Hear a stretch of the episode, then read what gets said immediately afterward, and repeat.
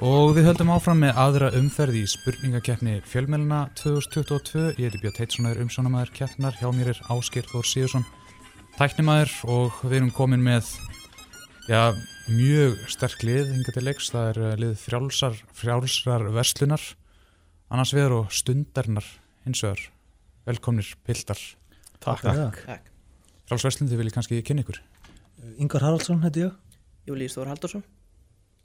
Stundin. Það er Jón Ingi Stefansson og Aðarsteit Kjartansson Má Jónas tíma að gleyma Það var svo einbetur að hlusta á ykkur Er ég á til að mikið með að vera komnir svona langt frjálsverslun, þið náðu fram magnaðri hemd í gær, vil ég segja Mm. hvers frá því?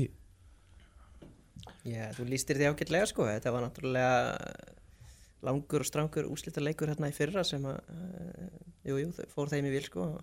út af þessu sögu. Við skýttum upp með út af þessu sögu fyrra, þannig að við náðum að hefna okkur í gær. Já, það satt í ykkur. Já, eins og ég sagði í gerð, við erum búin að vera að æfa allt árið sko fyrir hendina, þannig að þetta var mjög sætt. Einmitt, einmitt, þetta var nú þægilega hjá ykkur stundin. Já, en ég var að endur upplifa það þegar ég bakaði bjösa á DFF aftur? Bakaði hann aftur? Já, þú veist, við áttum, áttumst við í úslitum hérna einu sinni. Einmitt. Og ég var hann þá. Þannig að það var gaman að Var það sætt það var sætt. Það var sætabröð Herðu, glæslegt, um, eða kannski rétt taka fram að í verlaun í uh, spurningkemni fjölmjöluna eru glæslegar kaffevilar frá Nespresso, gjafabrif frá Kröymu og að sjálfsögðu allir keppendur leistir út með páskaukjum frá Nova Sirius. En uh, það er bara, okkur er ekki til setun á bóði við ætlum að hefja leik, hvort liðið er komið lengra að. Hvar eru þið? Við erum í ármúlanum hérna húsi, bara eh, nánast í bakhúsi hérna, eins og flestir ritstjórnir fjölmiðla Þá hlýtur það vera stundin sem hefur leik og við ætlum að fara í fyrstu spurningu. Við erum að spyrja um fótboltamann. Hún er fætt árið 1961 og hófa leika með breyðabliki árið 1974 aðeins 13 ára að aldri Þar átti hún eftir að leika í 20 ár og skora yfir 200 mörg í rétt um 180 leikjum Hún leik þá einnig 26 landsleiki og skoraði í þeim 8 mörg. Á tíma leikmannsins í íslenska kvennalandsliðinu upplifði hún margt allt frá því að liðið væri ekki til og þangað til það reys aftur upp og lagði grunna því stórveldi sem það er í dag. Dóttir leikmannsins leik einnig fyrir landsliðið en hún heitir Greta Mjöll. Hver er leikmaðurinn? Stundin eru þið með Já. svar. Hún heitir Ásta Ásta en hvers dóttir er hún? Það er stór spurningin Sigurðardóttir Það er ekki rétt. sko, við erum með pappinar, Ok, Gretu sko, en hérna, ég skrifaði hérna Ásta B. Stefansdóttir. Það er aðeins næri en ekki heldur rétt. Hún heitir Ásta B. Gunnlaugsdóttir. Og já, hún er heimitt gift Samuel Erni Erlingsinni, hestafréttamanni. En uh, frjálsveslun, þið fáið sambarlega spurningu. Spyrjum enn og aftur um fótbaltamann. Hún er fætt 1976 og lék einnig með sigursælu liði breyðabliks. Hún reyndi fyrir sér í atvinnumennsku og lék eitt tímabil í bandaríkjunum með liði Philadelphia Charts. Hún lagði skon á hilluna árið 2003 og hafði hún þá leikið 51 landsleik og skorað 8 mörg. Hún er að mörgum talin einn allra besti leikmaður Íslands fyrir og síðar en hún var meðal annars kjörinn leikmaður ársins árið 1994. Hver er leikmaðurinn? Uh, Ástildur Helgadóttir. Það er ekki rétt, stundin, viljið þið giska? Þetta er ekki Þórabí Helgadóttir Það er ekki heldur rétt, þetta var Margrét Ólafsdóttir. Þá er staðan ennþá 0-0. Önnur víksl spurning á stundina. Spurtur um dýr. Til eru fjölmargar tegundir og undir tegundir dýrsins og eru þær jafnvel enn að uppgötast í dag.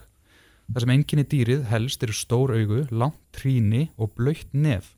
Þau eru afar greind og eru mest megnis jurtaætur þótt stundum rati skordýr eða aðrir hryggleysingjar í fæðu þeirra. Smærri tegundir dýrsins heldur mest til á næturna til að forðast hættuleg rándýr. Helsta ógnin við dýrategundina er þó auðvitað maðurinn sem hefur gengið mjög á skólendi Madagaskar í Indlandsafi sem eru einu náttúrulegu heimkynni dýrategundurinnar. Hvert er dýrið? Þetta er lemur. Það er hárétt. Stundin tekur þar með fórustu. Það er sambalið spurning á frjálsa verslun. Spyrum áfram um krútleg dýr. Dýrategund ein heldur helst til í Himalaya-fjöllum og suðvesturluta Kína. Fyrir einhvern miskiling er hún nefnd eftir öðrum skemmtilegum dýrum sem halda til á svipuðum slóðum, en þau dýr eru afar sjaldgæf og eftirsótt. Dýrið sem við spyrum um á meiri líkindi með þvottabjörnum, mörðum og skunkum. Hún er afar lipur og heldur til í trjám eða í kringum trjágróður. Hún er mestmægnis jurtæta en smá flexiterian gæti maulað skortýr og jafnvel litla fuggla ef svo ber undir. Dýrið er með rauðan feld en hvít tríni og hvít eyru. Hvert er dýrið? Þetta er eitthvað frendi eða eða ekki? Já, það, það hljómar er líklegt. Já, við erum að skjóta eitthvað. Panda. Panda björn. Það er rámt, ég get ekki við rétt fyrir Þetta þetta. er rauðpanda. Rauðpanda er rétt. Þá er staðan 2-0 fyrir stundina eftir aðra vikslspurningu, þriðja vikslspurning og það er stundin og við erum að spyrja um sjónvastætti spyrjum um sjónvastáttar röð í þáttunum fylgjumst við með starfsfólki á bæjarskrifstofu smábæjarins Pawnee sem er að finna í Indiana ríki í bandaríkjana það ræður ríkjum Leslie Knope en hún nýtur uh, aðstöðar úrvalsfólks á borðið Ann Perkins, Tom Haverford og Donnu Meagle Allra besti starfsmæðurinn er þó örgulega Ron Swanson sem er hugmyndafræðilega ansnúin sínu eigin starfi en það trúar hann ekki á stjórnsýslu kerfið á nokkun hátt. En hver er þátturöðin?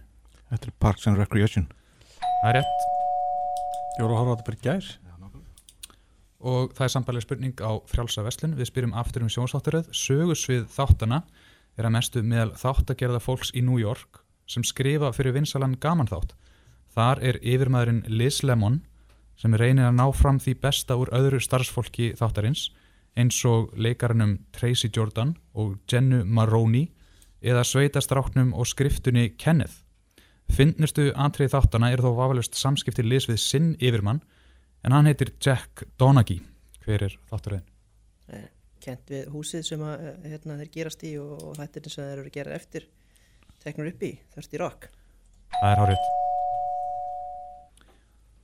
Og þá staðan 3-1 stundin í vil, stundin í næsta spurningu, það er fjóruða viksl spurning, spyrjum um arkitekt hann er fættur árið, hann var fættur árið, árið 1886 í Aachen í Þískalandi og varð áhuga samur um byggingarlist sem ungur maður, rétt eins og Le Corbusier kláraði hann ekki hefðbundið háskólanám í greininni hann stundaði þó starfsnám hjá Peter Berens, rétt eins og Corbusier og gekk síðar til liðs við félagsinn Walter Gropius sem kennari við Bauhaus listaháskólan og var þjáframt síðasti skólameistari hans áður en nasistar lokuð honum.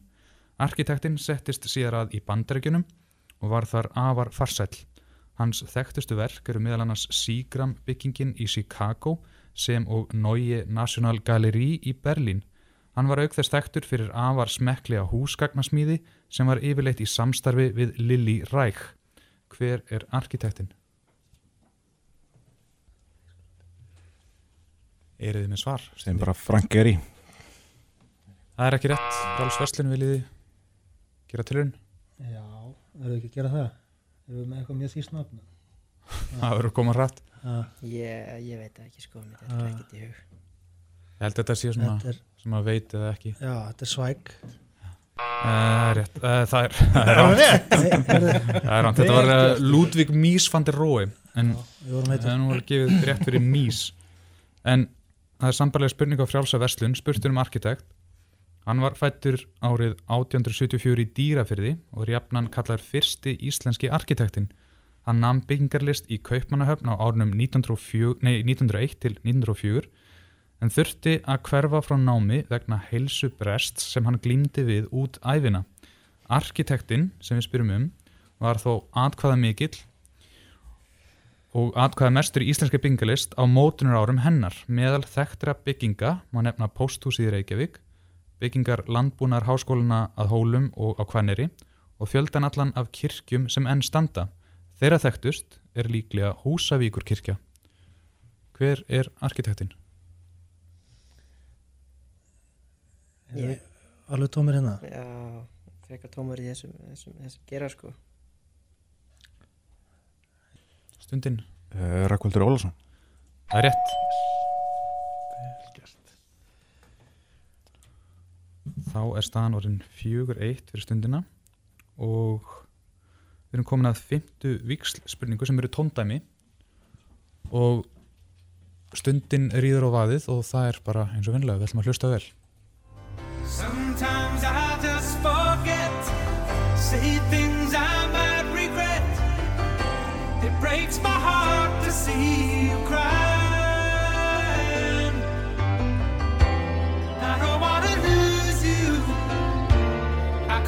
made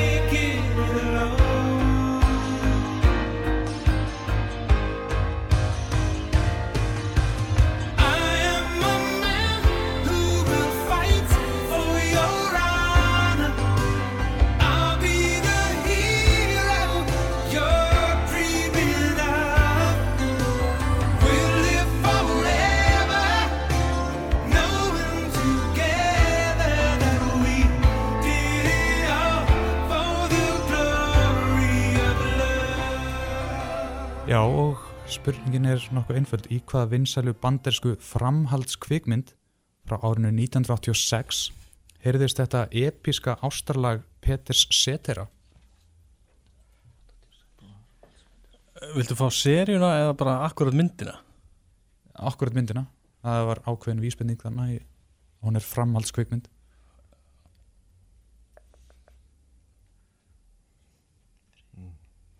Ég, Ég veit ekki, Beverly Hills Cop 2 það er rámt, frálsverslun er þið mikið gisk? Verið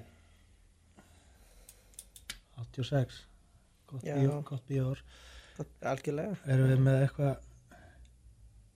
betur en þetta? Nei, þetta var að fá ramsmyndir í hug sem eru svona í þessum, þessum dúr sem þetta lag. Já. Heyrðu, við ætlum að taka mikið longshot. Rocky 3 það er ekki rétt, þetta var Karate Kid 2 mm. gerist einmitt í Okinawa. Episk loka atriði þar sem Daniel uh, sigraði heimamann til að vernda stúlku sem hann var hriðin að en um, hérna. Fyrst og fremst góð saga. Góð saga. Gott narratív, mm -hmm. vel uppbyggt allt saman. En þá fær fráls verslun sambarlega spurningu og það er bara að hlusta vel thank you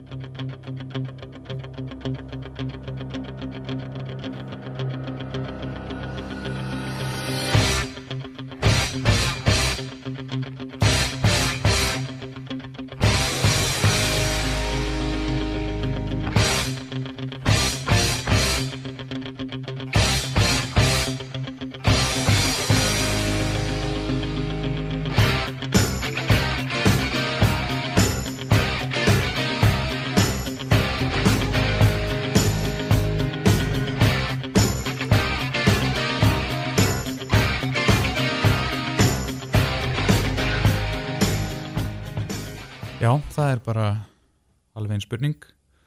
Hvaða vinsala banderska framhaldskvikmynd frá árinu 1982 skartaði þessu ótrúlega stemningslægi hljómsveitarinnar Survivor? Það hlýtur þá eiginlega að vera bara það sem við sögðunum að ekki, ekki sama númer heldur svo sem var á undan, Já, sem er Rocky 2 Er ekki rétt? Hvað hefur að segja Rocky 3 eða? Rocky 3 Rocky 3 Það er rétt. Sorry ah, Mér líður eiginlega illa yfir þessu Já.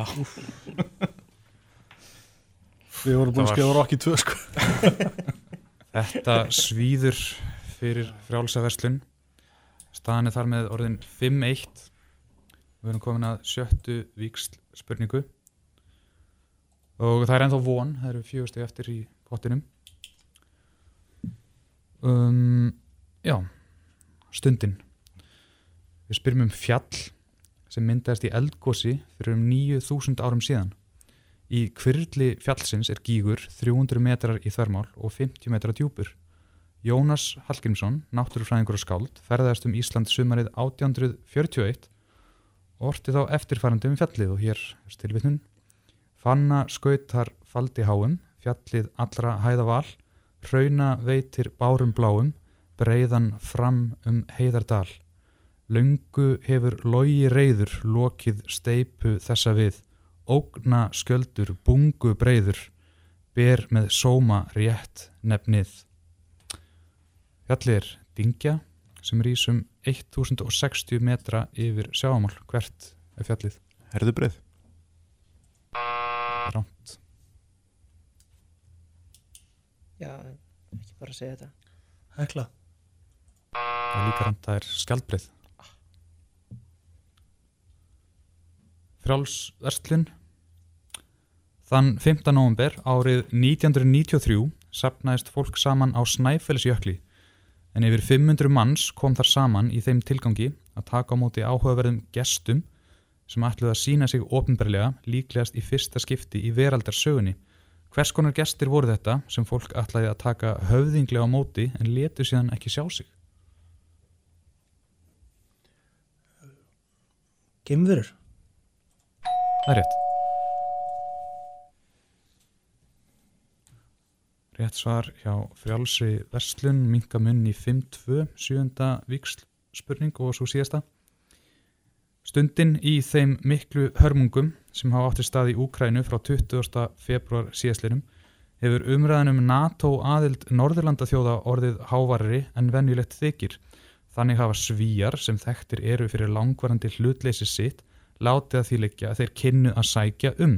Einn þeirra sem er efins um ingöngu svíja í Allandshafs bandalagið er þó fórsetisráð þeirra landsins sem hefur látið hafa eftir sér að inganga gæti grafið undan öryggi í Norður Evrópu fremur en að styrkja það. En hver er fórsetisráð þeirra svíja?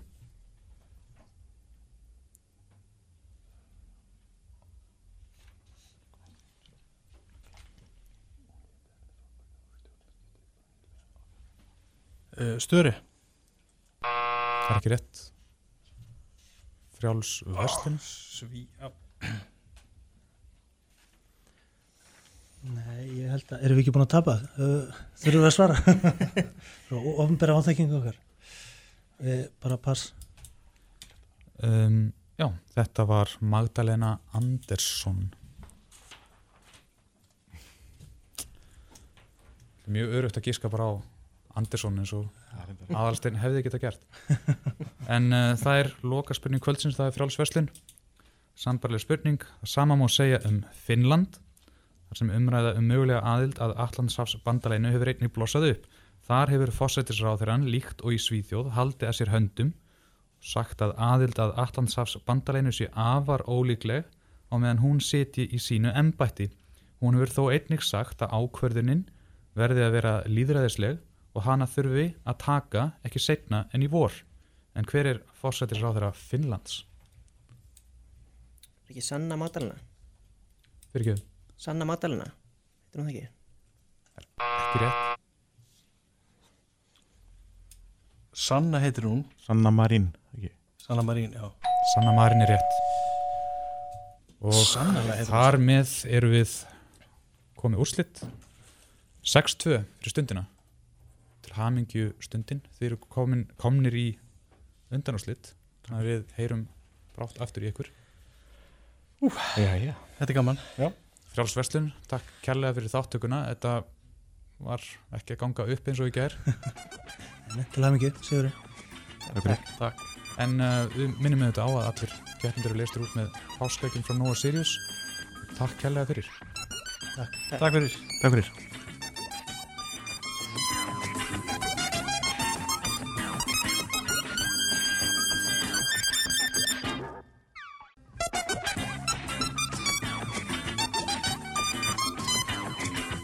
Og við höldum áfram með aðra umferð í spurningakeppni fjölmiðluna 2022. Ég heiti Björn Teitssonar, umsónumæður keppnar. Hjá mér er Áskir Þór Sigursson, tæknumæður. Og uh, við erum öll að minnast á að sigurverar þessar keppni munu á glæsilega kaffifél frá Nespresso í verðlun. Uh, nú og líka gjafabrif frá Kröymu og svo eru allir keppendur hérna listir út með páskakjum frá Nóa Sirius. um, þeir keppendur eru meðal annars hérna frá kjarnanum og vísi og við ætlum kannski að fá okkur til að kynna ykkur. Kjarninu viljið þið kynna ykkur fyrst? Já, ég heiti Erla Marja Markusdóttir. og ég heiti Greta Þór Sigursson og frá vísi? Tinni Sveinsson. Atli Íslefsson. Já, það, til hafingjum með að vera komin svona langt í keppni vísir, það var mjög spennandi keppni sem svona leiti ykkur hingað Já, þetta var bara- skemmtileg kemni og Því líkt tæft sko. Já, stóð tæft Já, þannig að þið eru ánað með veru ykkar hérna í áttalega úrslutum Já, þetta er bara komið sko. Við erum bara sáttir. Bara mjög ánægður með þetta. Við erum bara hérna fyrir pítsuna núna sko. Kjarnin, þetta gekk vel hjá ykkur í gær. Já, við erum mjög sátt líka. Við erum búin að toppa árangurinn síðan í fyrra, þannig að við erum líka bara góð, sko. Já, þessi árangur mun ekkert stíð ykkur til höfðus og þeir munu ofmetnast. Kemur í ljós. Einmitt, um, við höfum haft á þannig að liðið sem kemur lengra að mun hefja leik, þannig að það er augljóst hvað lið það er, vísir við erum hérna á heimavelli þeirra, þannig að kjarnin eru þið tilbúin? Eh, Já, Já, við erum Það góð. er þá fyrsta víksl spurning og við erum að spyrja um fótbolta. Um, Hann þótti ótrúlega leikinn við erum að spyrja um leikmann, hann þótti ótrúlega leikinn og útsjóna samir á velli en var þó yfirleitt afar hæglátur, hæglátur þótt hann leti mikið af sér kveða með mikilli getu utan vallar þótti hann vera servitur að einhverju leiti, hann var einfari og vakti mikla aðtekli í heimalandi sínu fyrir að vera svo eini í landsliði þjóðarinnar sem aðhylltist ekki katholska trú. Hann var jafnan með tagl og bar gælunafn sem vísaði í það. Hver er fótboltamæðurinn? Þetta er allt of djúft fyrir mína fótboltakunnáttur, sko. já Er ekki, Eh. er ekki bara einhver Fabio hana eða eitthvað? En hérna hérna, Var þetta ekki eitthvað gæði? Getur ekki verið að þetta þýð eitthvað svona Hérna þýð- Nei, það er eitthvað gæluna Það er tagldæmi Sko, segjum bara það sem búin að skrifa. Mér þetta Uh, ég hef enga, Ég, ég er að hugsa um Í, Ítala sem að heitir uh, Roberto Baggio Það er líka bara horrið. Um, já, guðdómlega taglið, hann er kallaður, sem ég kann ekki að bera fram á ítilsku.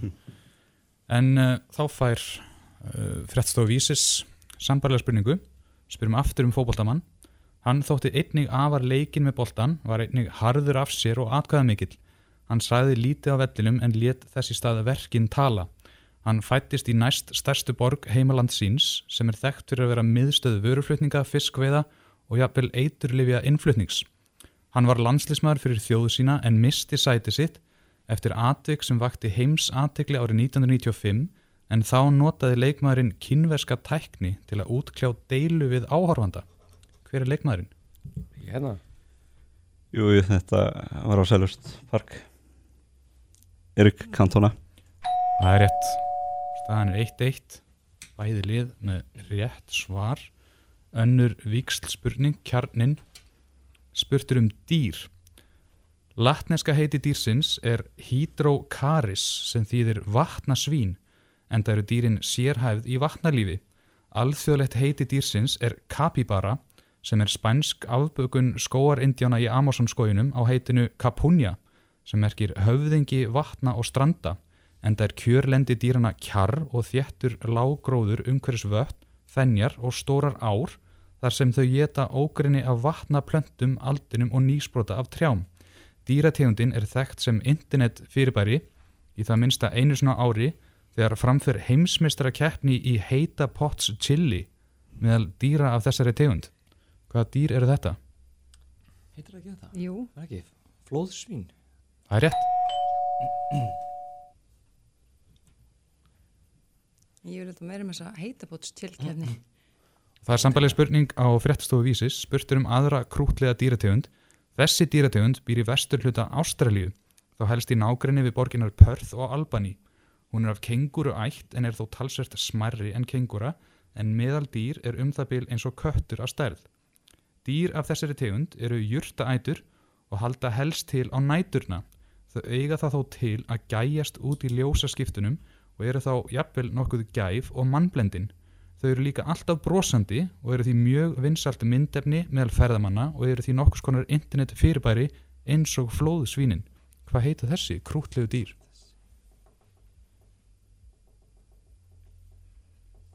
Er ekki dýrin þarna sem að geta ho- hoppað óslega hérna, glæsilega.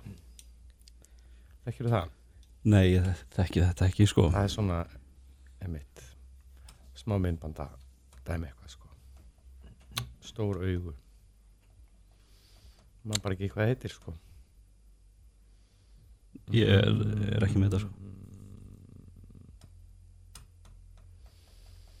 Já.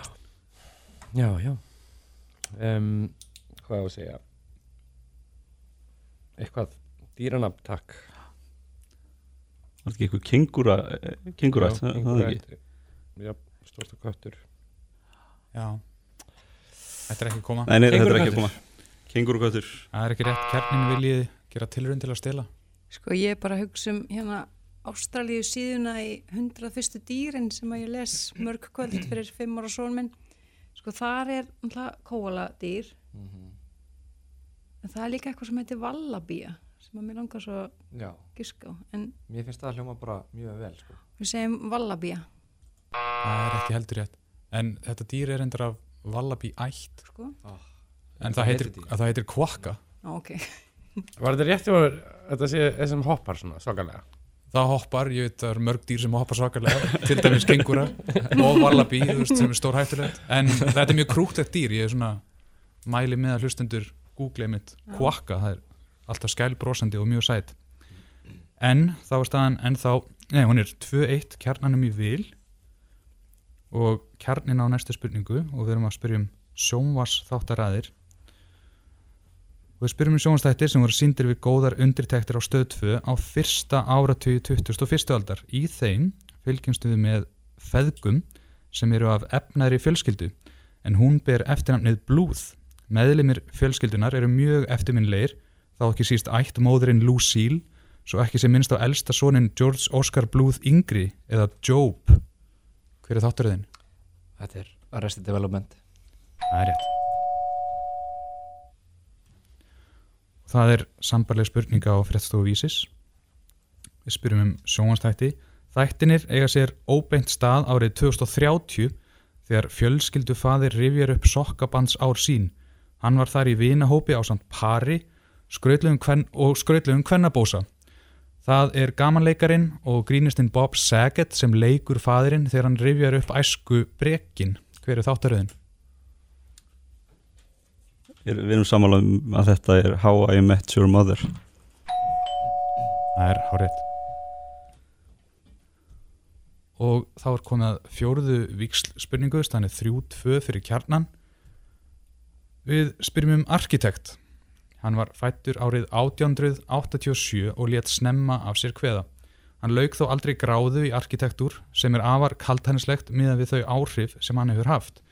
Hann var þó í starfsnámi hjá hennum þekta Peter Berens í Þýskalandi en fluttist síðar til Parísar þar sem má segja hann hafi slegið í gegn meðal annars með bókum sínum um byggingalist og þá hugmyndafræði sem lögð var fram með henni geislandi borg eða vil radiös. Hann er þannig talin einn af helstu boðberum módernismans í arkitektúr. Hann er frægastur fyrir stórbrotin einbýlishús á borðið Villa Savoie en einnig stórar íbúarbyggingar eða hýbýlis einingar eins og þær myndu heita á íslensku sem er að finna í bæði Marseille og í Berlín. Hver er arkitektin? Nú tristi ég á listfræðingin. Já um, Ég er eiginlega ekki með neitt betra heldur en bara að lega Corbusier Það er líka bara Yes mjög ágætt hjá þér. Það er hár rétt. Það er hinn svisneski Le Corbusier og það er sambarleg spurning á fréttastofu vísis. Við spyrum aftur um arkitekt. Hann er fættur árið 1902 í Ungverjalandi en fluttir snemma til Þýskalands. Hann nam sín fræði hjá lærimestara sínum Walter Gropius í Bauhaus listaháskólum í Weimar og Dessau og gerðist þar einnig kennari. Hann vakti snemma aðtekli fyrir húsgagnahönnun þar sem krómað stál var ábyrjandi byggingarefni. Hann fluttist síðar til, fluttist síðar til Bandaríkjana þar sem hann varð atkvæða mikill arkitekt á alþjóðlegum mæli, á alþjóðlegum mælikvarða en meðal meistaraverka hans má nefna höfðustöðar UNESCO í París og höfðustöðar IBM í Fraklandi. Hver er arkitektin? mm. Við vorum í hinarspurninguna um, ok eitthvað svona grómaður stálstólar þarna frá þú veist, 50 og eitthvað. Uh, þetta er að einhver staðar ég bara ég er ekki með þetta. Nei, kjarnin, viljið þið reyna? Hef ég til að gíska það aftur? Bara gjörðu svo vel. Ég vil segja Óskar Nýmæður Það er rámt. Þetta var Marcel Breuer sem hannaði fjölmarga fallega stóla eins og Vassili stólinn og, og Seska stólina. En það er einu að við ætlum að halda áfram og það er komið að fymtu viksl spurningu og það eru tóndæmi og það er kjarnin sem að hefur leik og hlusti vel.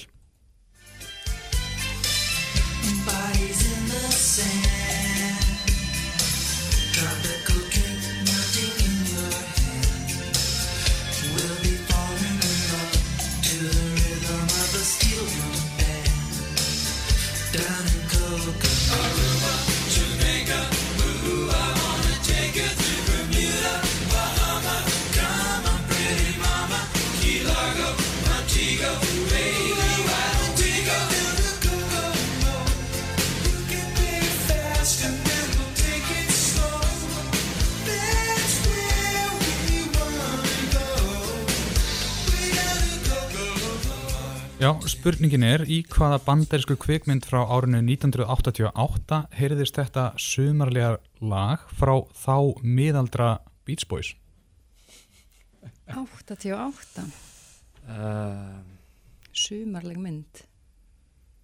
Hvað heitir hann að myndi með Tom Cruise sem hann er alltaf að rista koktela ég er ekki að kveikja sko. Uh, ég er alveg blanko ég, mér finnst eitthvað, ég er eitthvað að, að fara þangað sko. Heitir hann ekki bara eitthvað Cocktail. Koktel, það er mjög, mjög sumarlegt Myndin- kvikmyndin Cocktail frá 1988 Þetta er alveg ótrúlega hefni. Já, þetta er Smá einhvers grunsamlegt, staðar en- grafið einhvers staðar hann að skjala geimslunni Glæslegt, þetta er rétt svar. Uh, cocktail og þar með er kjarninblóm með 5 stig, vísir er með 2 en vísir á næsta hljóðbrót. Hlustum vel.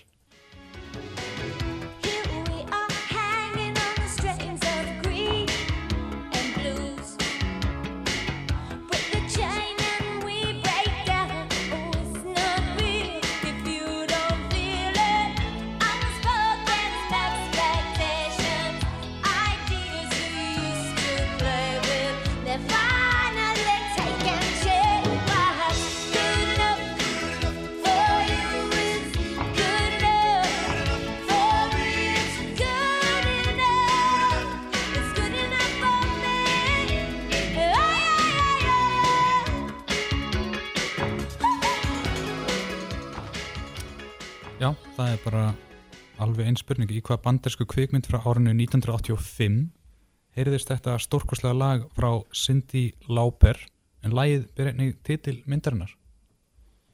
Er þetta sumarleg mynd eða? Það er bara góð fyrir allar ástíðir myndi ég segja. Já, það Erum við hér eða? Ég, þetta, Sko ég er, þetta Cindy Lauper, já, ég já, alveg veist, það er svona fits the bill sko en ég er, ég er ekki viss á þessu, ég þekki ekki lægið Nei. og, en ég, mér finnst það svona Keirum á þetta Breakfast Club Það er ekki rétt. Kjarnin, við þið með ég er ekki með neitt í huga sko. að vera að koma fljótt. eitthvað svipið meði hann að, hvað heit hann að myndin í skólanum hann að, hann að samanlegstur, John, ekki John Hughes Breakfast Club og ah, ég man ekki hvað hann heitir Nei, En þetta kemur ekki, þetta? Var hinn stórkostlega uh, æfintýramynd The Goonies. Já, og lagi heitir The Goonies Are Good Enough. En uh, var er endan þetta var endar í bæði í byrjun og í lokin. Ok. Það er svona þemalag óbeint þemalag myndarinnar. En þá er komið að sjöttu víksl spurningu staðan er 5-2 það eru fjögur stig eftir í pottinum kjarnin Veðurstofa Íslands rekur veður athugunastöðar víða um land. Frá einni þeirra er sagt í ferðabók Eggerts Ólafssonar og Bjarnar Pálssonar frá árinu 1752. Þar lýsa þeir hverum á staðinum og sérstakka aðtegli þeirra vakti hver sem Eggert kallaði öskur hól vegna druna og, og blístus hljóða sem úr honum komu. Á staðinum bjó fjalla eyvindur og halla kona hans þegar þau voru í útlegð. Á staðinum sjást ímsar minjar eftir búsitu þeirra, svo sem rúst af eyvindarkofa og, í einum, og í hver einum sjást mannvirki sem virðast hafa verið notuð til suðu matvæla. Ferðafélag Íslands reisti sæluhús á staðinum árið 1938 og er það eitt að fáum sæluhúsum á landinu sem hituð eru með hvera vatni. Og hver er staðurinn? Ég held sko að þetta séður minni sveit, ég á að vita þetta. Hann var einhvers staðar undir eigaföllum, er það ekki? Eða er þetta, æ, nú er ég að gefa þeim eitthvað, ef við klúrum. En ég er samt ekki með neitt örnefni, þú ert með betra ö- örnefni, held ég. Er það? Já, ég skil ekki alveg hvað stendur hérna, sko. Hérna?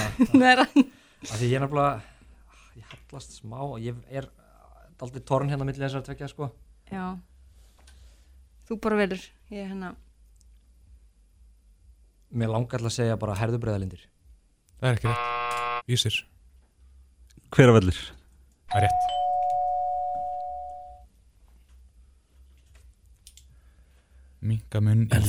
Erum ennþá inni. Þrjú og vísir á næstu spurningu.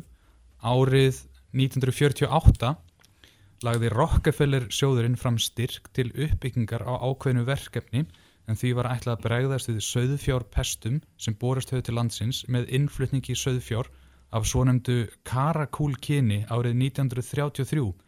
Í dag er þetta ákveðna verkefni tilraunastöð Háskóla Íslands sem meðal annars sinnir grunn og þjónustur rannsóknum í líffæra meinafræði, örverufræði, ónæmisfræði, sníkjudýrafræði, lífefnafræði og sameindar líffræði.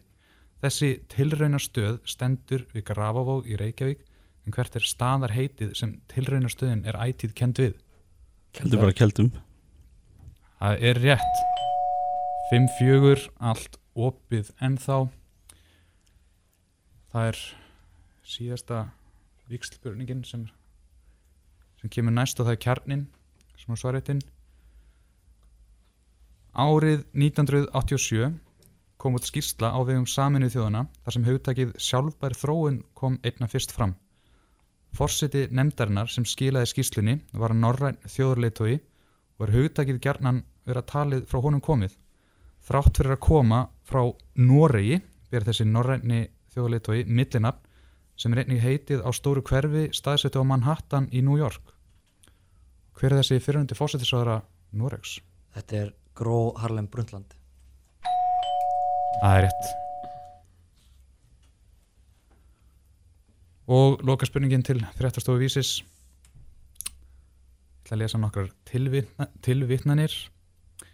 Skilgreiningin á geðsturlun er að endur taka sama hlutin aftur og aftur en búast í hvert sinn við öðrum niðurstöðum. Önnur tilvitnin. Allir eru snillingar, en dæmir þú hins vegar fisk eftir getu hans til að klifra í trjám, mun fiskurinn eigða æfisinni í að halda að hann sé heimskur. Og þriðja, ég neita að trúa því að Guð sé stöðugu teningakasti við umheiminn. Allar þessar tilvitnanir, eiga það sameinlegt að vera algjör uppspunni frá rótum. Þrátt fyrir það er algengt að fólk dreifi þeim á samfélagsmiðlum oft á samt mynd af þekktum manni þrátt fyrir að sá maður hafi aldrei mælt þessi orð svo vita sé. Hver er maðurinn sem á að hafa sagt þessa vitleysu en hann hlaut Nobelsverlun í eðlisfræði árið 1921. Já Það er ekki bara Einstein Einstein, ég held að hann hafi Ég segi það bara Það er rétt. Það er rétt og það er komin úslit. Staðin er 6-5. Kjarnin hefur sigur. Mjög nauman sigur. Til hamingju kjarnin og vísir þetta var það muni ekki- Goonies. það muni ekki miklu Goonies. en þið voruð náttúrulega sáttir fyrir Já. keppnina Já, já. og eruð búinir að maula smá pítsu Já, og er bara Og við fáum er taka páskaegg. kjarnin til hamingju Takk fyrir. Þið eru komin í undan og slitt Það var óþálega eh, spennandi þannig að miðinni. Við heyrum í ykkur von bráðar. Uh, Já, vísir, takk hérlega fyrir þáttökuna Fá ykkur páskagliðin út, takk fyrir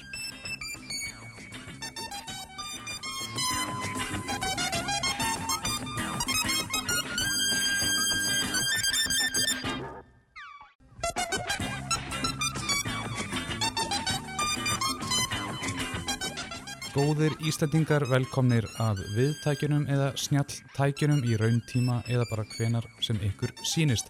Nú fyrir í gang vorbúðin ljúfi eins og lífsegasta og virtasta spurningakeppni fjölmiðluna árið 2022. Og við erum komin í aðra umferð og hjá okkur eru lið uh, ringbrautar annars vegar og mannlífs hins vegar. Við erum velkomin. Takk. Takk fyrir Um, uh, við ætlum kannski að fá ykkur til að kynna ykkur. Já, ég heiti Björgvin Gunnarsson, blaðamaður mannlýs. Gunnhildur Kjerúlf Birgisdóttir, blaðamaður og mannlífi. Björn Jón Bragason frá Ringbraut og Margrét Erla Mokk frá Ringbraut. Já, verið velkomin. Uh, ykkur uh, báðum liðum tókst á augljóslega sigra í síðustu umferð. Mhm. Þetta var mjög örugt hjá ykkur ringbrödd. Byggustu við Nei, góðum alls árangri? ekki. Ég var hérna í fyrra með réttstjórunum Sigmundi Erni og þá held minnum við að við höfum fengið núlstig. Þannig að hann verður ekki aftur í þessu liði. Hann getur kannski fengið að vera í liði fréttablasins svo næsta ári. Já, það eru skýr skilabóð hér. Mannlíf, uh, það var æsi spennandi við hjá ykkur. Já, Það er rétt. það var bráðabanni bara á læti. Já, það var, var þetta léttir eða svona hrein gleði? Bæði. Ég Já, ég var rosalega ánæg með Björgvin. Björgvin stóð sér með príði. Já, ég var ánægð með þig líka. Þetta, hérna, já, þetta var eh, við líka stálum í bráðabannum. Sko. Já, þetta var svona smá þjófnaður. Mm.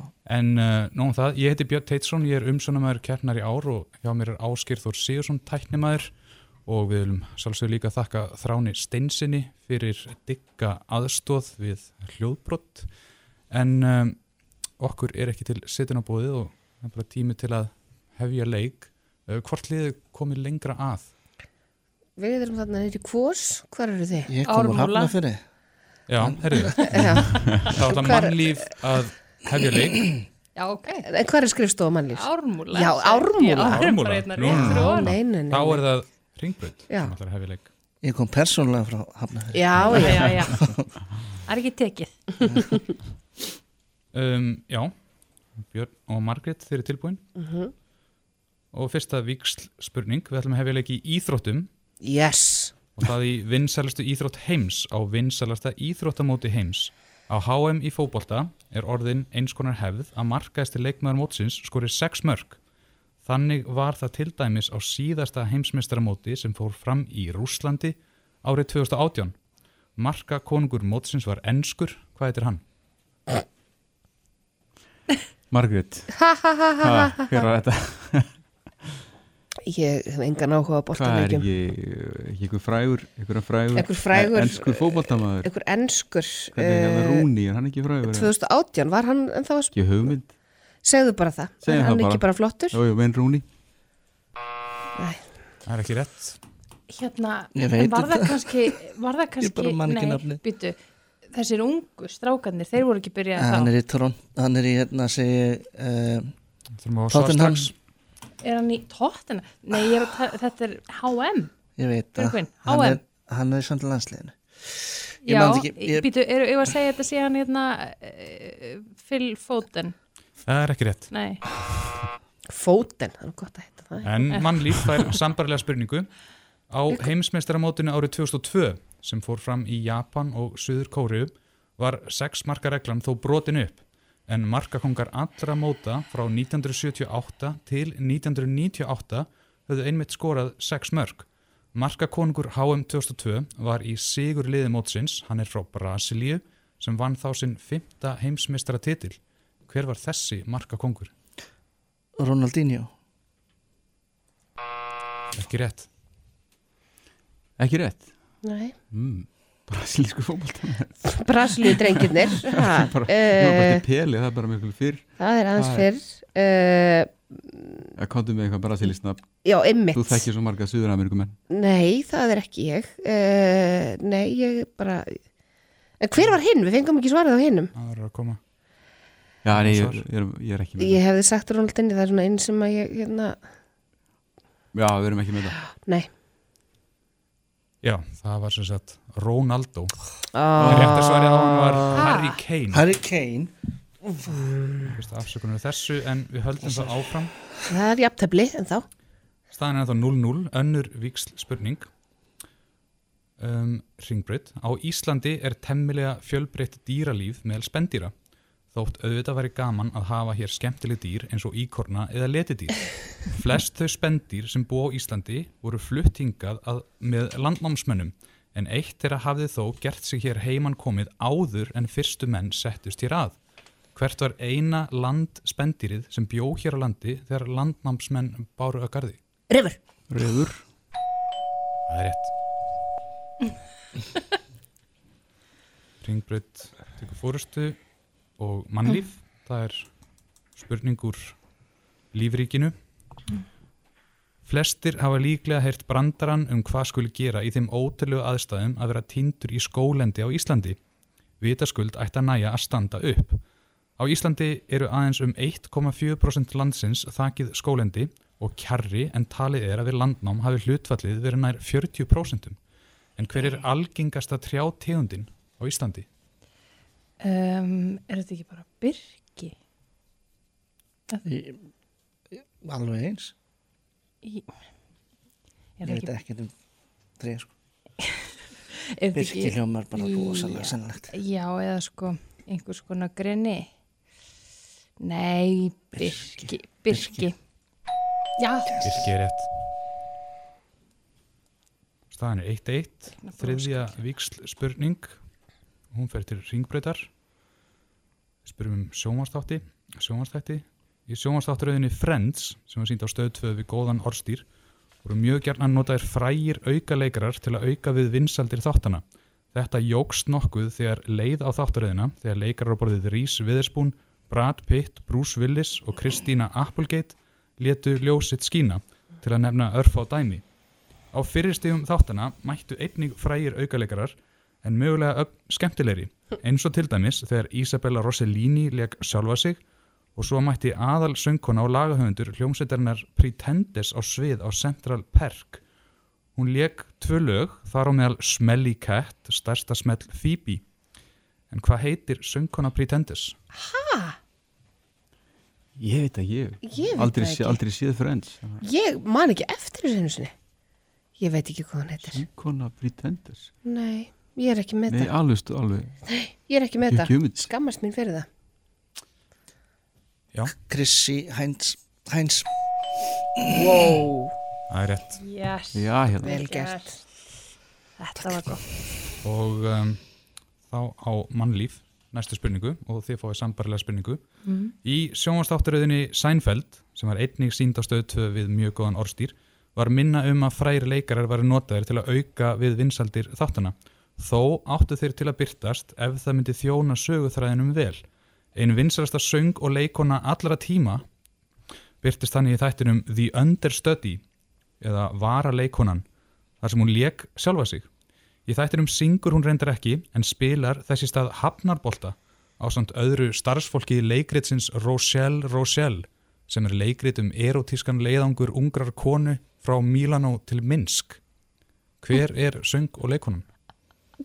Ég og dóttir mín erum að horfa á þess að þætti núna aftur Ég er bara, ég er verði ekki- er ég hef aldrei á- hort á ekki- Seinfeld. Ekki komin að þessu En uh, þekktasta söngkona og leikona Söng og leikona allra tíma. ah. Það er ein þekkt, er er, er, ég ætla, ég ætla að já. Það er hún innan Barbara Streisand Gott gisk, það er Ah, ekki rétt. þetta var mjög sko, gott. ég, þá er þetta Bett Midler.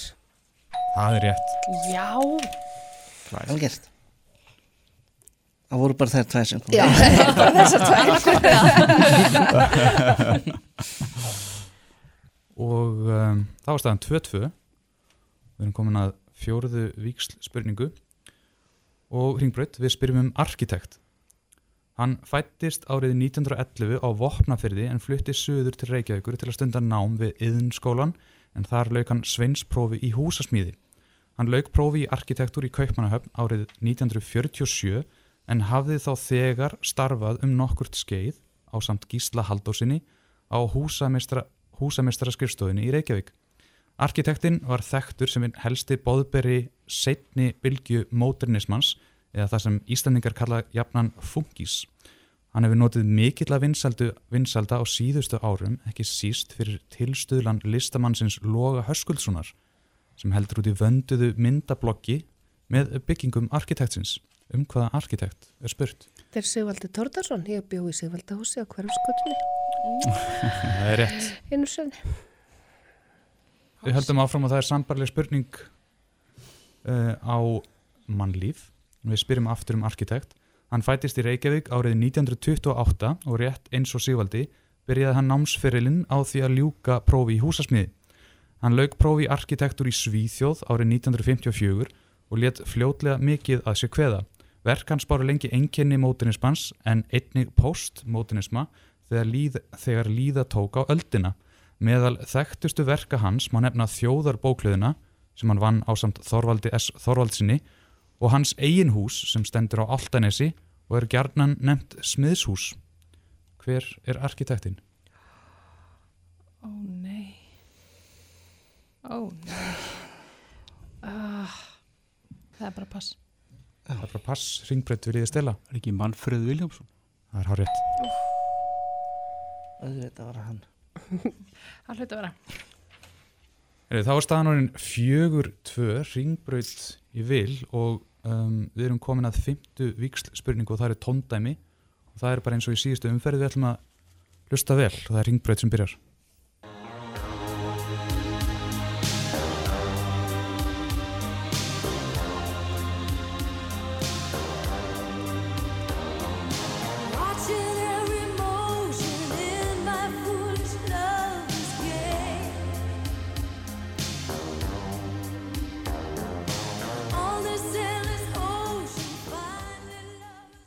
Já, spurningin er bara einföld. Úr hvaða bandersku kvikmynd frá árinu 1986 var þetta íkoníska Gun. lag? Rétt hjá ringbraut tryggja sér þar með sitt fymta stig og það er sambarleg spurning á mannlíf við hlustum vel.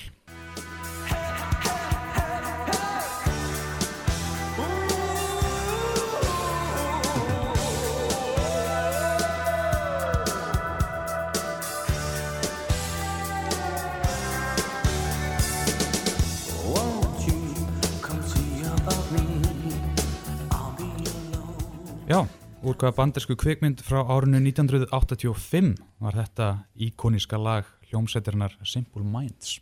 Breakfast Club Á rétt. Staðan er 5-3, það er sjötta víksl spurning, ringbraut.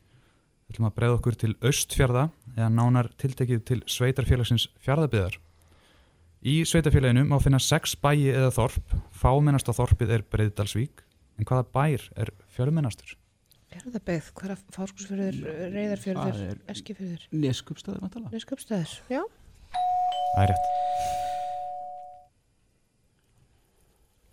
Og mannlíf, það er sambarlega spurning. Við breyðum okkur því næst til sunnanverðra vestfjörða í sveitarfélagi Vesturbyggð.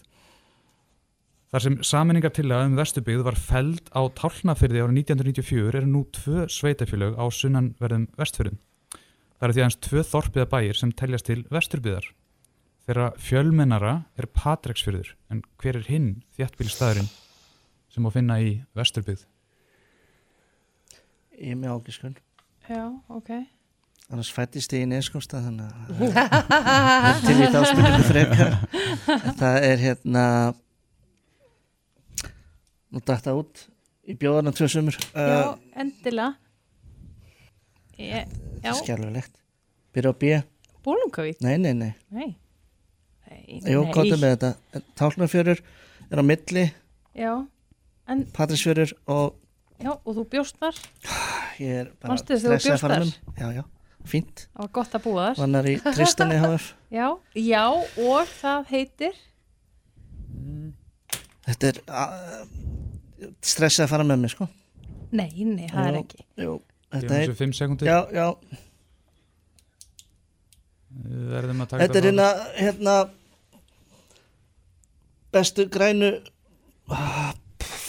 Bestu grænu? Æ, þetta er nafn á- á hljómsveit uh, Já, já, þetta er komið þetta- þetta- út, sorry. Miður, þetta er rosalega sárt Ah, þetta er Ringbraut, ömurlegt. vil ég þið stela? Bíldudalur Þetta er bíldudalur Já, bíldudals Grænar, grænar. grænar bönir Ah, já, já. Ég, sorry, ég er bara Já, stressið. Ó, hvað var vant að taka þetta af ykkur. Mm.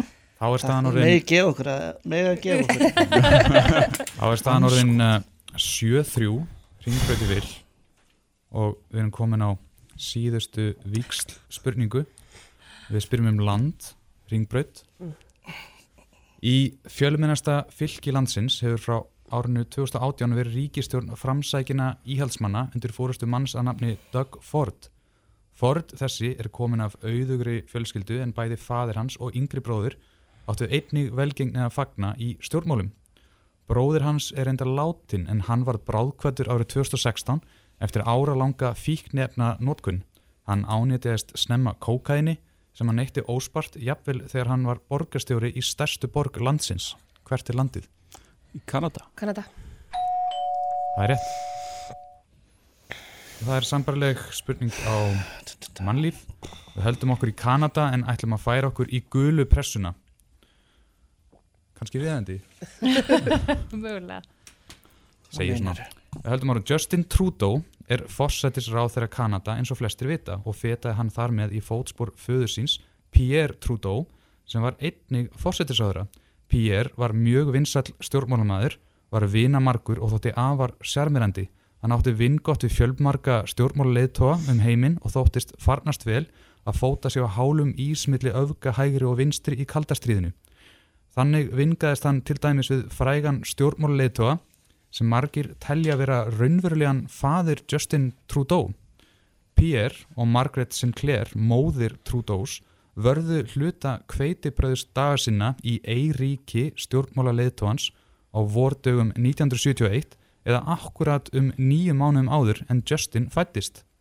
Þess má geta að Justin er keim líkur þessum fræga stjórnmáluleiðtóa en um leið er undirstrykað að þetta er allt saman bara slúður. En hver er þessi stjórnmála leiðtói? Nei, ég er bara, ég er alveg lens. Ég líka, ég, ég á að vita þetta en Það, það er alltaf. það er alltaf þannig Þetta er eitthvað í huga. Nei. Nei. Hver er um, líkur honum? Já, ég er að hugsa það, sko. Uh,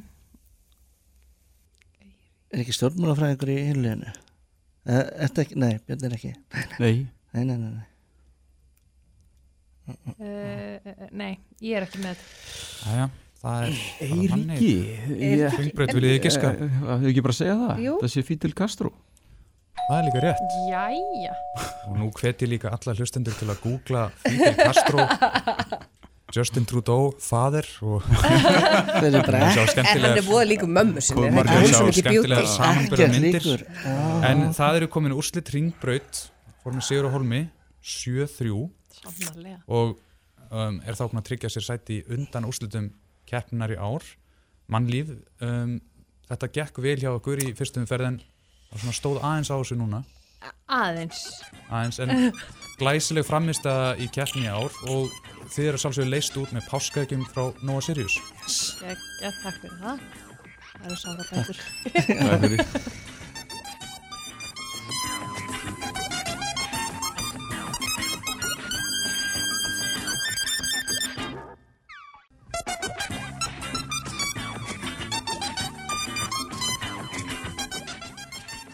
Við höldum áfram með aðra umferð af spurningakeppni fjölmjöluna árið 2022. Ég heiti Björn Teitsson, er umsjónumæður keppnar. Hjá mér er Áskir Þór Sigursson, tæknimæður. Og uh, hjá okkur eru, eru komin lið, um, hjá okkur eru lið RÚF, fréttastóðu og uh, lið mbl.is. Verið velkomin. Takk. Takk, takk. Um, við ætlum kannski að fá okkur til að kynna ykkur RÚF, viljið þið hefja leik? Já, ég heiti Ingi Björg Sara Guðmundsdóttir og er aðstöða prótsent á fréttastofu Rúf. Ég heiti Ævar Örn Jósefsson og er fréttamaður. Já, ég heiti Karitas Ríkastóttir og ég er blaðmar á MBL. Og Þorsteinn Áskrimsson, aðstofa fréttastjóri, all. Velkomin og til hamingjum með að vera komin svona langt. Rúf, þetta byrjaði mjög vel hjá ykkur í gerð. Já, Já, það, það verður nú að viðkennast að mótstaðan var ekki mjög mikil. Ekki- Þá er samt- nutum, góðs að því. Þá er Já. samt sneið í, í kópóin, það er gaman að því. við fengum gott svona sjálfströst úr þessu. Einmitt, Það að- gæti náttúrulega orðið okkur að falli. Sko. Gæti verið. MBL þið sigruðu grannarslag á móti eitthvað samstarfsfólki. Já, já. Já, já, fengum að líða fyrir það í morgunkaffinu. Já, dramatísku sigur. En um, það er best að taka fram að það eru glæslegu verlun sem, uh, sem sigurvegarar keppna hljóta og það eru kaffivélar frá Nespresso og það eru gjafabref frá Kraumu og svo eru allir keppendur að sjálfsögur leistir út með páskaðgjum frá Noah Sirius. En ég held að við ættum bara að fara að byrja keppnina og við hefum haft það þannig að liðið sem er komið lengra að mun hefja leik og ég held að það sé við ljóst að það er liðið frá hátíðismóðum Þannig að mbl.is fyrsta víksl spurning Í sumar fer fram lokakeppni Evrópumótsins í fótbolta í kvennaflokki. Þar verður Ísland meðal þáttöku þjóða. Verður án Eva þjætt á pöllunum á leikjum Íslands þar sem fjölmargir hafa bókað sér ferð til Englands þar sem mótið fer fram. Íslenska liðið hefur leik þann 10. júli gegn Belgum en leikur auk þess gegn Frökkum og Ítölum. Síðasta leikurinn fer fram í Rotherham en tveir fyrstu fara fram í einni þekktustu fótboltaborg heims. En svo heppilega vill til að þanga er beint flug frá Íslandi. Í hvaða borg spilar íslenska landsliðið sína fyrstu tvo leiki á EM? Spila í Manchester. Það er rétt. Þetta er nú íþróttarspurning sem við hefum þurft að fá. Það hefði verið smá sens að við hefum haft hana. Nákvæmlega. En það er sambarlega spurning á fréttastofur RÚF. Á EM mun mikið mæða á okkar bestu leikmunum eins og til dæmis Söru Björk Gunnarsdóttur sem leikur með Lyon í Fraklandi eða Elinu Mettu Jensen sem leikur með Val á Íslandi. Einn allra besti leikmaður íslenska liðsins leikur í ennsku úrvalstildinni með liði West Ham. Hvaða leikmaður er það? Það er hún Dagný. Ég man ekki hvað hún heitir meir. Hún heitir Dagný og er frá Selfossi. Dagný frá Selfossi, þetta er nú eiginlega Dal- Dagný von Selfoss. Ég man ekki hvers dóttir hún er. Björnsdóttir. Afsakið? Björnsdóttir. Það er rámt. Er hún Brynjastóttir? Þú, þú mátt taka þeirra bólta. Já, ég, ég vil segja það, er hún Brynjastóttir. Það er rétt. Þá tekur mbl.is uh, 2-0 fórustu og á líka næstu spurningu, önnur víksl spurning. Spurt er um fyrirbæri, samkvæmt frétta flutningi síðustu ára er líklegt að Íslandingar eigi heimsmet þegar kemur að fyrirbærinu. Í það minnsta sé með hérna klassísku höfðatölu. Fyrirbærið dregur nafnsitt frá grísku orði sem á íslensku þýðir skikja en þar er vísa til þess að fyrirbærið leggst á vissa líkamsluta eins og skikja. Fyrirbærið er bakteríu sjúkdómur en helstu enginni hans eru meðal annars eimsli í kinnfærum eða kvíðarhóli og sviði við þvaglát. Sjúkdómurinn getur einnig reyðrað um sig í augum sjúklinga og veldur í verstu tilfellum varanlegri blindu. Hvert er fyrirbærið? Ég er ekki viss. Ég held samt þetta. Ok, tökum það. Já, setja sér klamidía. Það er rétt.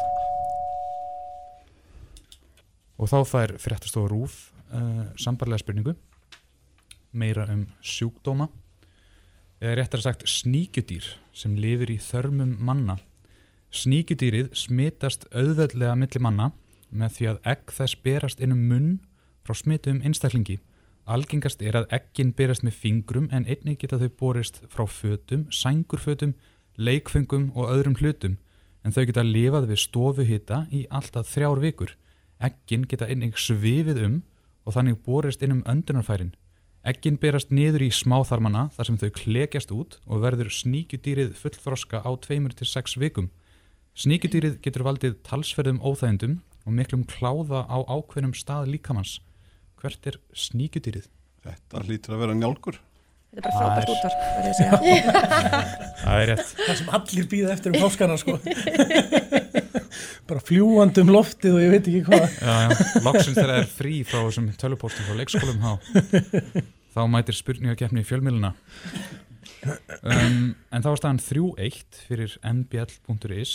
Um, við förum í þriðju víksl spurningu og það er mbl.is við erum að spyrja um sjónvastætti sjónvastátturinn Spin City naut nokkuru vinsalda á tíunda áratug síðustu aldar en hún var einmitt sínda á stöðu 2 í þátturöðinni fylgjumst við með starfsfólki á skrifstofu borgarstjóra New York en þar er mikið um hasar eins og vænta mætti með aðal hlutverk í þátturöðinni fór þekktur kanadískur leikari sem varð heimsfrægur á nýjunda áratugnum eftir að hafa leikið í þekktum þríleik. Hver er sá leikari? Ég bara treysti þér þástinn. Þetta er hérna er þetta ekki hann sem var í hérna Back to the Future, hann hérna Vitu, þetta er, þetta er að koma Þetta er hérna 90 sérfræðingurinn hér. Shit, vitu Þú verður ekki að segja Marty McFly en hérna uh, Fox, nei, vitu Bara svo lengi sem það er ekki Brian Cox. Nei, Þetta með svar? vitu já, þetta er hérna Akkur er þetta svona stólið honum? ekki Nei, það er bara svo fyndið að horfa á þig. Hérna J. Fox, Michael J. Fox Það er rétt. Jesus Þetta eru Bara- mestu átök sem ég séð bara. engar bíómyndir sem ég hef hort á jafn ofta þetta fyrir þann Jurassic Park þannig að þú veist bara uh, Þetta blessunlega kom, þetta er mikil átök. Uh, Fréttstofur úr, það er sambarlega spurningu ykkur. Malcolm in the Middle er önnur sjónvansþátturöðu sem naut talsverðara vinsalda á Íslandi reyndar nokkru síðar eða á fyrsta áratug 20. og fyrstu aldar. Frankie Muniz fór með hlutverk Malcolms Táningspills sem er að berjast við að ná tökum á lífinu í bandersku mentaskóla eða high school. Í þátturöðinni byrtist einnig leikar í hlutverki föður Malcolms sem átti síðar eftir að slá í gegn í öðrum þáttum.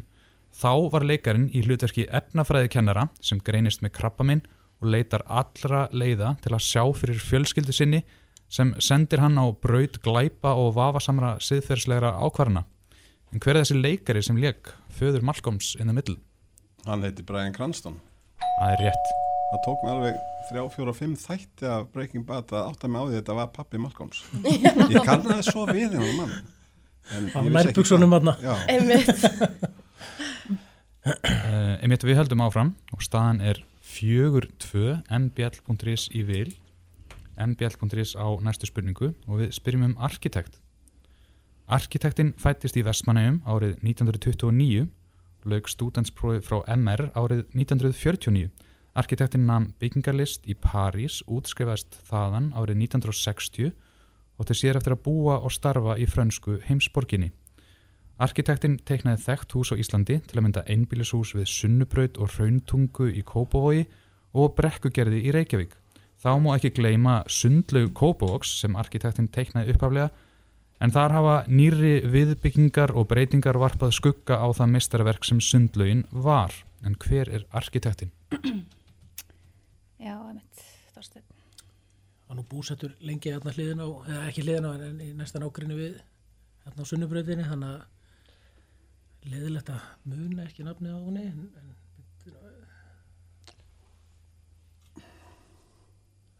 Nei, ég er bara ég er ekki með þetta Ok, passa okkur.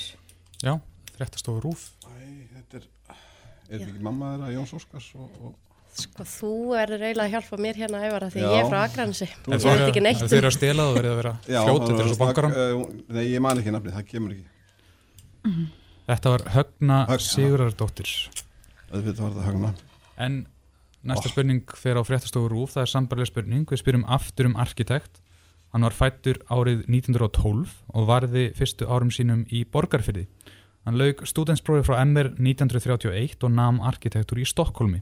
Arkitektinn, sem við spyrjum um, kom til Íslands með ferska ströyma hins alþjóðlega stíls sem var þá að riðja sér til rúms á Vesturlöndum. Sem dæmi um það má nefna byggingar arkitektsins á borð við bændahöllina eða Hotel Sögu, ábyrðasmenn í Guðunesi og byggingu yðnaðbankans við Lækjargötu sem nú er endar rifin og dáin sínum drottni. Arkitektinn var einnig farsall í atunulífinu og að gjarnan nefndur stjórnarformaður Íslands. Hver er hann? Hvað segir þú að vera? Ég, Ég er segi bara... bara ekki orð. uh, Vilhjálmur Vilhjálmur Árnarsson Nei, jú mbl.is, viljið þið gera tilhörun til að stela? Það verður að koma fljótt. Já, já, við ætlum að gera heiðarlega tilhörn til að segja Sigvaldi en ég man ekki eins og hvað svona þess Sigvaldi Jónsson Þetta var uh, Haldur H. Jónsson Halldór H. Já, já. Jónsson Það er nefnilega það. Það er svo les. Þetta gengur ekkert hjá okkur. Nei, ekki eins Staðan er uh, ennþá fjögur tvö og uh, við erum konið í fymtu víksl spurningu og það eru tóndæmi. Það er mbl.is sem rýður, á vaðið og, og það er bara hlusta vel, gjör svo vel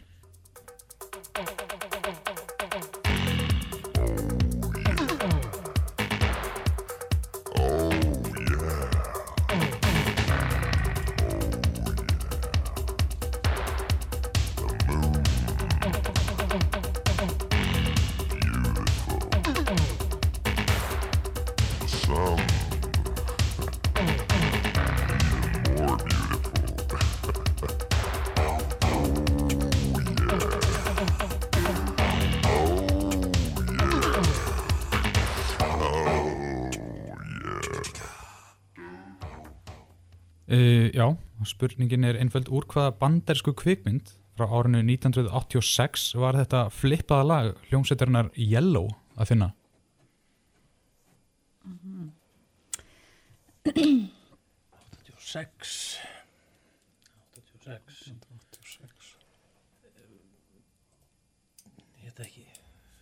Bara Var ekki ykkur ég ætla bara, ég ekki bara segja eitthvað svona fratthási eða eitthvað Það er ekki rétt Hvað segir Ævar? ég held að það var uppáhaldslæðið. Uh, Já, þetta er þetta mjög skemmtilegt lag en, en hérna uh, bara feim Það er ekki heldur rétt, þetta var í uh, kvikmyndinni Ferris Bueller's Day Já, Off auðvitað, ég var að horfa á hann um daginn. Frídagur Ferris Ferris, já. En um, fréttstofa rúf, þið fáið sambarlega spurningu og það er bara hlusta vel, gjör svo vel All my instincts, they return. The grand facade so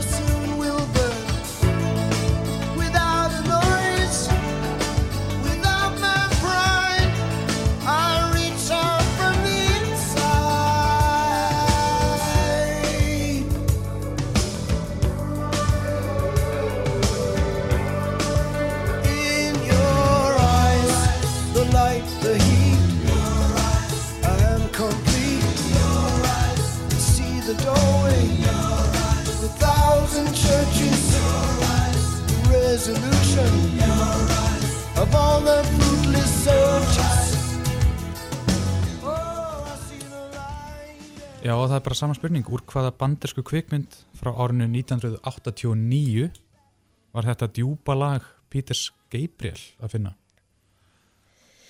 Já, einmitt. Breakfast Club Það er ránt. Já, ég hef búin að skrifa niður að sama uh, Hvað er 95? 89. Já, 89 Mhm. Það er að koma hrætt. Er Pass, pass Já, já Þetta var í uh, kvikmynd Cameron's Crow, uh, Say Anything með John Cusack í alveg, Mjög svona frækt atrið Það sem hann heldur uppi- á Já. svona boomboxi. Af hverju, ég held, ég held að þetta væri bara eitthvað, ég hef aldrei heyrt þetta lag. Mér fannst þegar hann í þessu atrið hann væri bara með eitthvað allt annað miklu fræðara lag. Já. Ég veit ekki alveg. En ef þið eig- eigið einhvern í vandræðum heima fyrir þá viti hvernig læknið öll sára þeir að Einmitt. mæta fyrir utan glugga magikar og, og blasta þessu lægi með Peter Gabriel sem heitir Your Eyes. En þá höldum við áfram.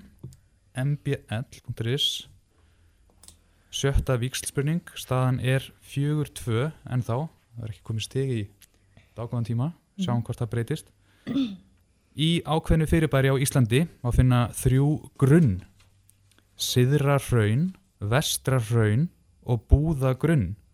Þaul vanir skipstjórar segja stundum að bestu þorsk og skarkóla miðin séu við norður kant vestur hrauns 20 til 24 sjómílur norðvestur af Reykjavík. En hvaða fyrirbæri er þetta sem við erum svo gjörna að kalla bara sjóin? Ha? Býta hans Veitu, sem sagt Hvar eru Siðra hraun, vestra hraun og búða grunn? 25 sjómilur. Er það að spyrja um hvar þau eru eða hvað þau séu? En það Já. spyrir fyrirbæri. sem nær yfir öll þessi hugtök 25 sjómilur norðastra Reykjavík. Já. Selvósbanki. þetta er ekki rétt Selvosgrunn þetta er ekki heldur rétt. Eða ég var nú bara að spyrja um faxaflóa. Sem við Þetta- bara sjóin Þetta var nú svolítið, kvikindislegt. en uh, það er heldum áfram í eins konar landafræði. Það er fréttstofa rúf við spyrjum um Íslenskt þorp. Það er að finna í fyrði sem er á milli dýrafjörðar og súandafjörðar til að kom, komast í þennan fjörð þar sem þorpið er frá dýrafjörði þarf að aka heiði sem er kölluð gemlufalls heiði í þorpinu má finna bókabúð sem heitir einfallega gamla bókabúðin og fjallið sem gnæfir yfir þorpinu heitir Þorbjörn. Hvert er þorpið? Flateri Það er rétt. Á stig. Yes, loksins. Loksins kom stig í þessari keppni. Herra Jóvinsson væri sáttur með þessa auðlýsingu. Já, hann er staðarhaldari þarna í bókabúðinu Já, heldur betur. um, Þá er staðan fjögur þrjú fyrir MBL Mhm.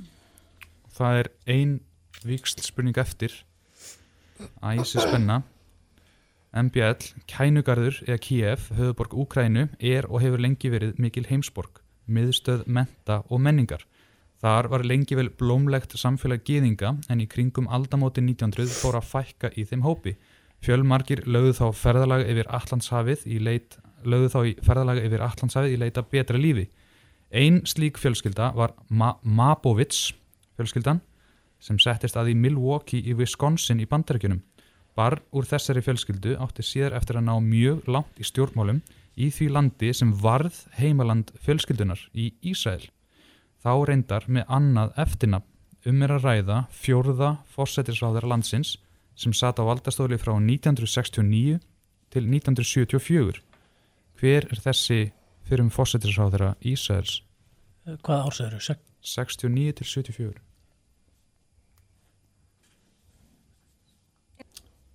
Er þið með, er með gisk? Já, það stendur með gisk. Já, ég man ekkert hvernig þetta er búið fram. Það skiptir engu. er þetta ekki, hvað er þetta, Ben Gúrin eða sem sagt, sem Eh, flugvöldurinn er kentu við? Það er ekki rétt. Golda meir. Það er rétt. Þorsteinn, við erum í... Við erum, sérst, Þá- sérst okkar er ísraelskir fórstisráðurar. Þá jafnar fréttastofu rúf og á svarréttin síðustu spurning Nú blóðþrýstingurinn keppninnar. alveg bara Þeir eru tilbúin, annar þekktur gýðingur fættist í Úkrænu árið 1908 í borginni Búchach í vesturhluta landsins. Hann varði æsku sinni í fæðingalandinu en flutti síðan til Prag til að stunda nám og enn síðar fluttist hann aftur til Úkrænu til Viv sem þá var reyndar hluti Póllands. Hann var handsamar af nasistum árið 1941 og náði á ótrúlegan hátt að þrauka í gegnum mikið harðræði, pyntingar og annað ofbeldi í þremur mismunandi vinnubúðum og útrýmingarbúðum nasista.